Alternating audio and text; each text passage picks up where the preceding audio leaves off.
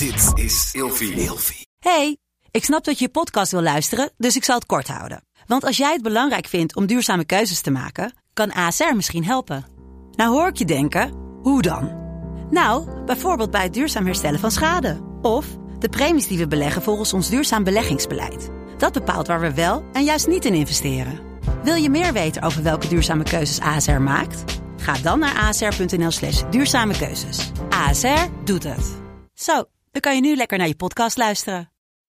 Slapen jij en je partner al jaren in hetzelfde bed en wordt het tijd dat je de onderdelen van het bed moet vervangen? Dit is het perfecte moment om je gehele bed te vernieuwen. Je krijgt namelijk extra korting bovenop de lopende kortingen bij Emma Sleep met de code RELATIEVRAGEN in hoofdletters. Dus ga snel naar emmasleep.nl en bestel jouw bed. Hi, ik ben Elio Heres, orthopedagoog, seksoloog, consulent in opleiding en gespecialiseerd in genderdiversiteit. En vandaag beantwoord ik de volgende vraag. Wanneer is iemand non-binair? Een non-binair wil eigenlijk iets zeggen over iemands genderidentiteit. En dat kan ook diegene zelf alleen maar beslissen. Dus genderidentiteit zegt niet per se iets over je biologisch geslacht. Het is meer hoe je voelt van binnen, hoe je jezelf identificeert. En non-binair iemand is dan eigenlijk iemand die zich nog, nog man, nog vrouw voelt. Of juist allebei, of een beetje iets ertussen. En die uh, kunnen het ook niet fijn vinden om aangesproken te worden met hij of zij. Maar die worden dan misschien liever aangesproken met die of, of hen.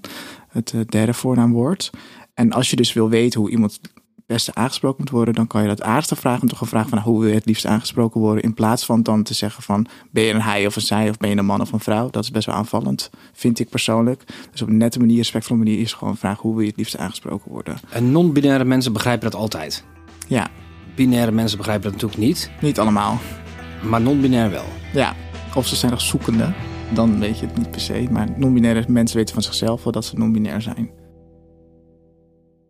Met de code RELATIEVRAGEN in hoofdletters krijg je 10% korting bovenop de 50% korting die je nu krijgt op het bed dat ik bijvoorbeeld heb. Dus ga snel naar emmasleep.nl en bestel jouw bed.